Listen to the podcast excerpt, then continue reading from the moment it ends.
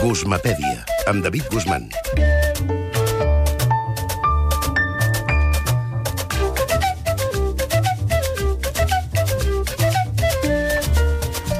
David, bona nit. Què tal, com anem? Això tu, com anem? La mar de bé. Sí? Vinga, Clar, plou, és hivern, fa T'agrada que fred... plogui, que faci Només són fred? motius per l'alegria. Cada dia en tenim més, anem Quanta, sumant. quanta ironia. No, no, clar que no. A veure, avui llegia una imatge, eh, que és una cosa que hauríem de fer més sovint, llegir imatges, que a més és, és una cosa molt romàntica, no? La imatge, el, el, el retrat que fa, i a més m'ha tornat a demostrar, vaja, eh, que el dia 9 de novembre van passar més coses, no? Ahir en parlàvem en un altre sentit, parlàvem de Berlín, però a Pla de Palau, potser ho vas veure, el, el 9 de novembre feia exactament 175 anys que es commemorava una data important, la primera fotografia eh, la, de la història del mitjà a Catalunya i a Espanya. No? Eh, una imatge que, això, que té 175 anys, el 1839, que van reproduir amb una màquina històrica, amb un daguerrotip, eh, una exposició de 22 minuts, eh, tot allò del revelat amb la mateixa llum natural, és complicat. Ara tothom va el dit, amb la cosa tàctil del mòbil, és horrorós, no té res a veure. En tot cas, eh, van fer una foto al mateix espai de, de Barcelona, eh, davant dels porxos de, de la Casa Xifré, no? No volia parlar de, de, del, del, del fet concret, sinó... De, clar, era una fotografia? No, era un daguerrotip.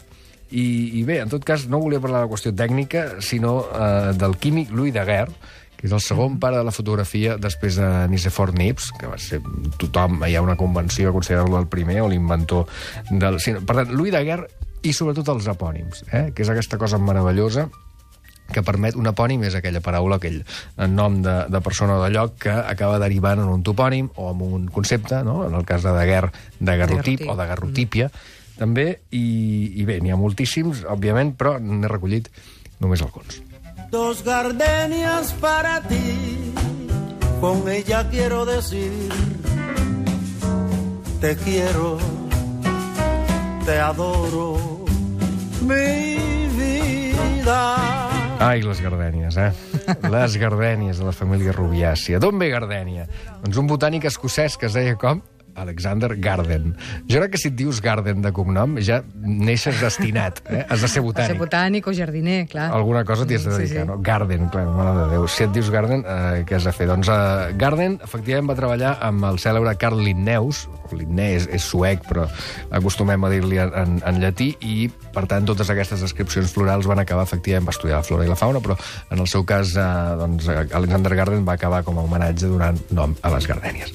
Un cas, un cas una, una mica menys poètic.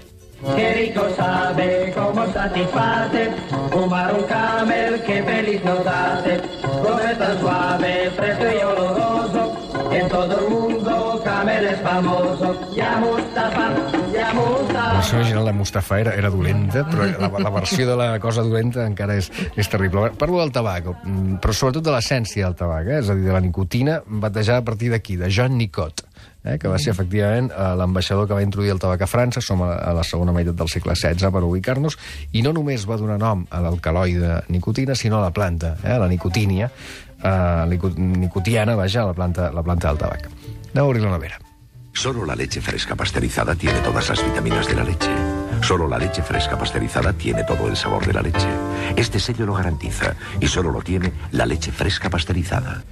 Pesats, eh, amb això. Uh, clar, em, em pregunto per què calia, això som als anys 90, 91, 92, aquesta insistència, no?, amb la qüestió de, del pasteuritzar. Més, li traien la U, el pobre Louis Pasteur, no?, que, que va perdre la U pel camí en pasteuritzar. Doncs bé, és un epònim força conegut, uh, i insisteixo, a mi em sorprèn que la publicitat uh, hagués de fer aquesta, aquesta èmfasi amb el procés. És un, és un procés, òbviament, és un químic uh, que permet doncs, eliminar els patògens dels líquids uh -huh.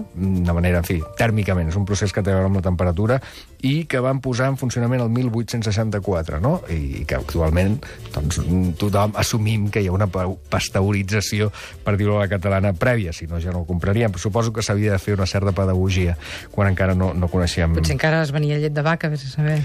Sí, a veure, en, en tetrabric... En vols tetrabric no vull dir llet de vaca de, de, Ah, de les vaqueries, sí. d'allò que hi havia quan érem petits. Mm, L'anunci l'he odiat una mica, però, però deia, te digan lo que te digan, solo leche... És a dir, suposo que mm, allò combatia, no?, contrarrestar alguns certs eh, falsos mites que hi havia a l'època i, efectivament, eh, la, la llet de vaca doncs, conté molta substància de tot tipus.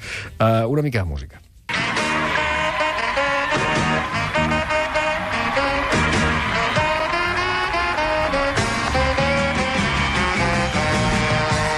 Fixem-nos no en la gent que aplaudeix i crida, sinó en, la, en la persona que toca, eh? que és un tal William Jefferson Clinton.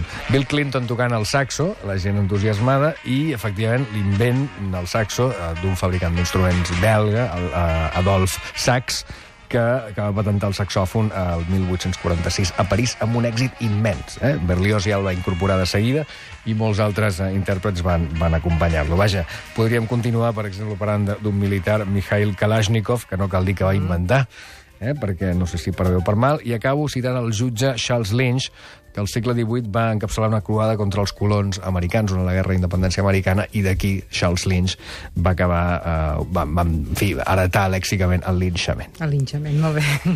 Apa, fins ara. Vinga, fins ara.